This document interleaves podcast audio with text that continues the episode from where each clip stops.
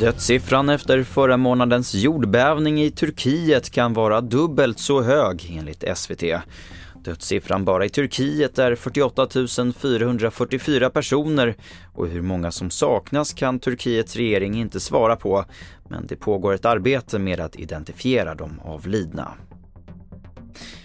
Turkiet har använt olika måttstockar för Finland och Sverige i bedömningen av hur länderna levt upp till överenskommelsen i Madrid.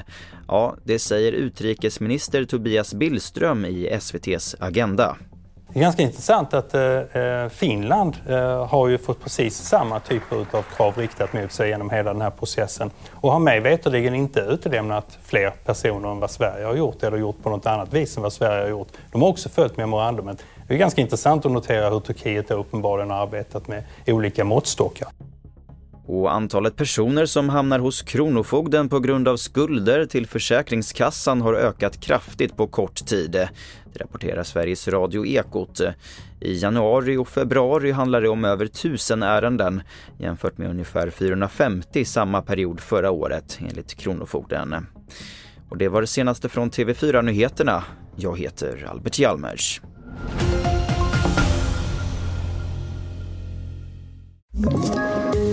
Poddtips från Podplay. I fallen jag aldrig glömmer djupdyker Hasse Aro i arbetet bakom några av Sveriges mest uppseendeväckande brottsutredningar.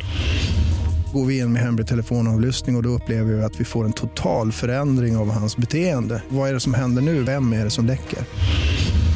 Och så säger han att jag är kriminell, jag har varit kriminell i hela mitt liv men att mörda ett barn, där går min gräns. Nya säsongen av Fallen jag aldrig glömmer på Podplay.